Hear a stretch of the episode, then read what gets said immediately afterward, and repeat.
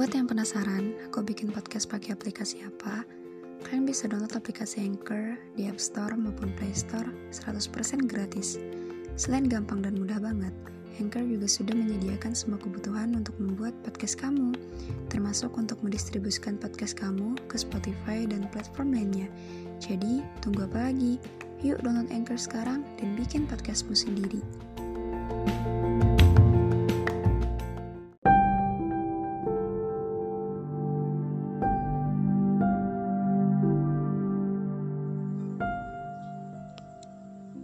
Dan aku gak akan nunggu kamu pulang di tahun yang akan datang. Senja bersinar cukup pekat di penghujung hari ke-365 ini. Aku menengok jendela, melihat burung-burung bercengkrama satu sama lainnya. Katamu, kamu akan kembali di musim gugur kali ini. Banyak perasaan hangat yang kurasakan tentang bagaimana rasanya ketika aku membayangkan kamu pulang dan bilang kalau pada akhirnya ke mana pun kamu pergi, sesuatu yang kamu cari ternyata ada di sini. Aku membayangkan kalimat-kalimat indah itu. Kalimat yang orang bilang, ke mana pun dia pergi, sejauh apa pun ia mencari, sebanyak apa pun ia singgah kalau kamu yang ia jadikan rumah, ia akan kembali.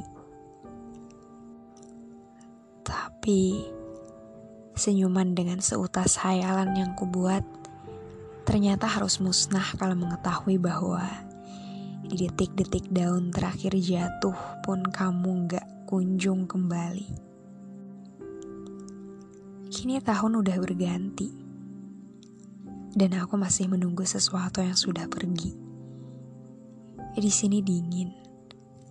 Hari ini tepat hari pertama bulan Januari.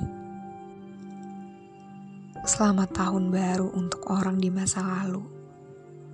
Aku gak akan nunggu kamu pulang karena mungkin memang bukan aku tempatnya. Aku gak akan berharap kamu pulang karena mungkin kamu emang udah dapet tempat yang lebih baik dari apa yang aku berikan ke kamu selama ini. Mungkin emang dari awal aku harusnya ngerti bahwa kamu perlu tempat yang lebih leluasa dalam mengekspresikan perasaan. Bukan sekedar rasa kekhawatiran dan takut kamu nemuin sesuatu yang lebih dari aku.